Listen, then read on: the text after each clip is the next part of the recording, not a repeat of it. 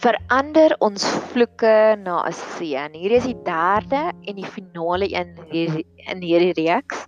En soos ek al baie keer gesê het, ek hoop dat ek gaan binnekort 'n lang reeks van getuienisse hê van hierdie keerpunt. Um om hierdie pot gooi reeks te maak. Ek is oor die algemeen 'n Enneagram 7. Ek hou van fun, ek hou van lekker dinge, ek hou van avonture. So dis regtig vir my van dit baie selfbeheersing om hierdie potgooi reeks te maak, maar die Here het my baie geleidelik en sagkens gejudge, gejudge, gelei om hierdie reeks te maak. So ek het verduidelik, ek het Maleagi 2 vers 2 dadelik van my opgekom.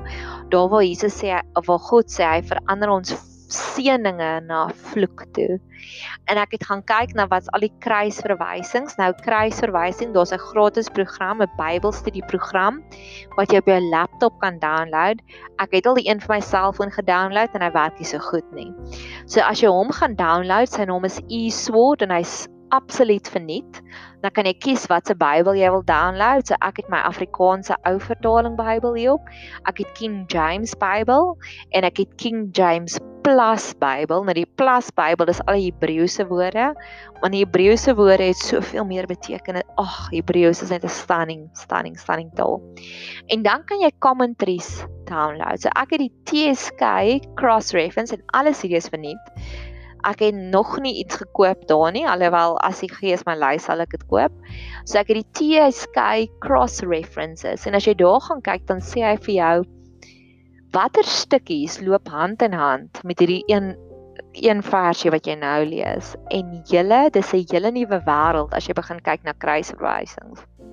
Daar's byvoorbeeld hierdie een belofte wat sê um in Hebreërs sê dat die Here is my helper, wat sal 'n mens aan my doen? En as jy gaan kyk, wat is die kruisverwysings vir hierdie einste enetjie? Dat ek net gou gaan kyk waar is hy? Hy's hier aan die einde.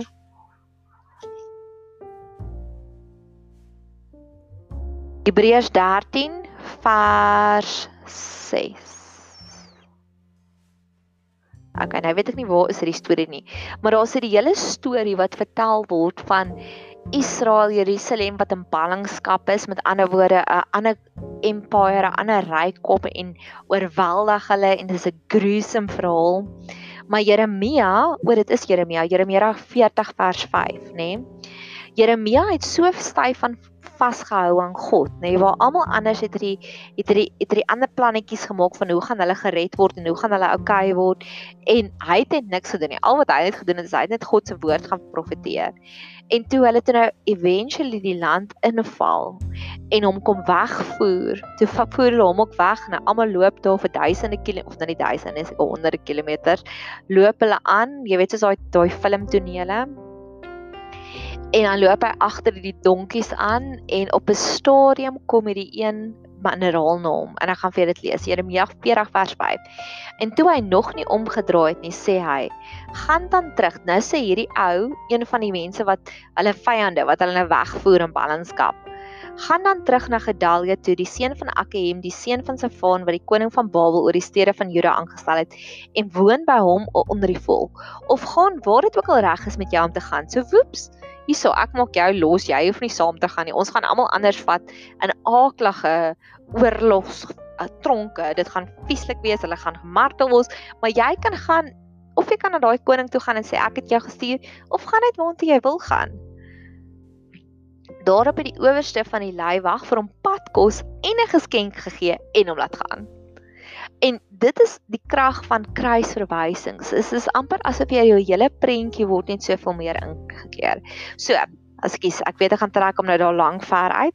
Maleagi 2 vers 2 het by my opgekom want ek het besef ek het 'n hele paar happy places gehad. My vriendekring, ons noem onsself DMW, dames met wysheid, het onder 'n hele plaag van aanvalle gegaan vir die afgelope 2 jaar en is regtig word dis intense goed. Ek het nooit gedink ek gaan so vinnig groot word nie. En um so dit was by een happy place, my plek waar ek bly, waarvoor ek baie lank gebid het om hier te bly. Een want dit is een van die veiligste plekke om in te bly. Twee want dit is een van die mooiste plekke. Drie dis een van die plekke met die meeste liefde. Het ewe skielik ook hierdie vlaag van geweld gewelddadige, gewapende rowe gehad. So daar was 'n lang string van dinge wat gebeur het in my lewe. En vir oggend was daar hierdie finale strooi op die donkie se as wat ek net dadelik teruggekom het en gevoel het nou gaan ek hierdie goeters bid. So ek het gaan kyk Maleagi 2 vers 2 sê God kom in en verander jou seëninge na vloek. En ek het al die kruisverwysings gevat om te gaan kyk wat is die simptome daarvan as jou seëninge na vloek te verwys het. En dan het ek nog verder connect the dots om te sê maar Jesus het gekom Galasiërs 3 vers 13 en al die vloeke van ons op hom geneem en vir ons seëninge gegee. So ek het gaan kyk en ek het gaan cross match om te sê, goed, hierdie is een simptoom van 'n vloek. Ja, ek het dit al ervaar. Nee, dankie tog Here, ek het dit nog nie ervaar nie, maar ek bid sommer nou daarteen. En dalk kan jy ook daarvoor voel dat jy ook voel maar o, oh, dis waarvoor ek is. So, volgens en hierdie is die laaste een. So ek moedig jou aan gaan luister die hele reeks. Haggai 2 vers 16 sê: In die tyd het iemand gekom by 'n koringmiet van 20 maat en daar was maar 10. Hy het gekom by die perskyp om 50 emmers te skep en daar was maar 20. En die boodskap Bybel sê van die verwagte koringoes is net die helfte ingesamel. Dit het ook nie beter gegaan met die wynoes nie. Minder as die helfte van die verwagte wyn is gekry. So, Dit kan eers wees dat jy het gehoop jy gaan hierdie inkomste kry en toe kry jy dit nie. So dis minder. Maar die tweede een waarna dit my spesifiek laat dink. En ek het al met iemand hierdie gesprek gehad, is groot verpakking. Jy weet die oomblik as jy daai groot pak bolaats chips oopmaak. En net 'n kwart van dit lê daar. Het jy al ooit daai gevoel gevoel van Wat? Ek dink dit so groot pak chips en actually is daar net 'n bietjie van dit in. En ek weet met skyfies blaas hulle dit op want anders gaan al die skyfies verkrummel aan die ander kant kom. Maar let bietjie op, hoeveel ander dinge is soveel minder as wat beloof is. As jy 'n bottel of as jy Stysoft die refill pack koop, as jy hom oopsny, dan sê ook net die 3 kwart. So dit is wat ek ook voor die Here se voete wil gaan neersê om te sê Here, Soveel kere het ek al verwagtinge gehad vir hierdie groot ding en dan kom ek teleurgestel daai terug en ek glo dis 'n vloek. En vers 17 sê ek het julle swaar getref met brandkoring en heuningdou en haal. So dis allerlei peste. Al die werk van julle hande. Nogtans het niemand van julle tot my gewend nie, spreek die Here. In die boodskap Bybel sê maar al was dit ook sodat siektes en haal julle oeste geslaan het, het julle nogtans nie aan die Here gesteer nie. Siektes en haal. Hoeveel gee ons nie uit op siektes en haal nie? Nou voel ek effens skuldig want verlede week het my foon het wel 'n plaag opgehad, nie 'n plaag nie, maar sy skerm het ingegee en ek was so ongelukkig om te sê R850 wat ek mos uitbestee om 'n nuwe skerm op te sit. En nogtans het die penny nie gedrop nie. Ek het gebid oor die foon, maar ek het nie bely om te sê Here, wat gaan regtig hier aan nie. So ek wil dit ook omgee want ek glo al daai onnodige uitgawes, daardie uitgawes wat jy eintlik wens jy hoef nie te gegee het nie wil ek ook aan die Here se voete kom neer lê. En hol kan fisiese hol wees, maar dit kan geestelike hol ook wees. Ek is 'n mondhygiënis en hol vir my is as ek 'n pasiënt het wat 'n afspraak het en hulle daag net nie op nie. Dis 'n tipe van hol vir my want ek het uitgesien na hierdie inkomste en ewe skielik het ek dit nie. En dit het eksponensieel vermeerder in die afgelope paar reke. En die volgende een, ek het alles gaan kyk na wat is Jesus se wonderwerke of wat het Jesus gedoen en die volgende een wat hierby aanpas is al die dooies wat Jesus opgewek het na die lewe toe. So ek kan selfs al like iets vir ons mors doop. Kan hy inkom en ek kan weer lewe daarin spreek. Selfs al is iets alreeds deur 'n hol geplaag, hy kan dit nog steeds kom omdraai. Hy kan daai hy kan enige verandering kom doen. Dis wat ek sien met die met die dooies wat nou lewendes is. Daar was 3 mense wat hy opgewek het uit die dood uit. Die een was omdat hy hy die weduwee gesien van Nain en hy het gesien hoe hartseer is sy oor haar seun wat dood is. En mag ons leer om daardie intense hartseer na God te vat. Want ek waarborg jou en ek beloof jou, daar's niemand wat jou so goed kan troos as God nie. Niks van jou vriendinne nie, nie 'n man nie, net God. So mag ons daardie intense hartseer na God toe vat en die ugly cry voor hom gaan huil. sodat wanneer ons in die omgewing is in die publiek is dat ons met 'n glimlag kan rondloop.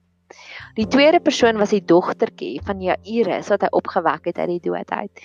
En die dieper storie wat ek daar sien is hy al die mense wat op fluitte gespeel het, het hy uitgejaag en gesê gaan wag buitekant en toe het opgewek. En baie kere gaan ons deur 'n stelsel, deur 'n seisoen waar dinge van die wêreld word uitgeskuif uit ons lewe uit.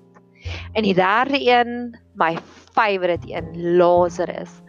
Jesus het juis langer gevat omdat hy lief was vir hulle omdat hy lief was vir Martha, Maria en Lazarus. En baie kere bid ons en ons bid en ons bid. En dis wat hulle gedoen het. Martha en Maria het gebid. Hulle het gesê, "Kom Jesus, kom Jesus, kom Jesus, kom Jesus." En hulle het gevoel Jesus ignoreer hulle. En actually het Jesus langer gevat want hy was lief vir hulle. En hy die die die um wonderwerk om doen toe almal alreeds gedink het dis te laat. En ek wil afsluit met die derde kruisverwysing. En interessant genoeg, Jesus het al die vloeke op ons geneem op hom geneem Galasiërs 3 vers 13. En hierdie is die enigste kruisverwysing na Maleagi 2 vers 2 wat in die Nuwe Testament is.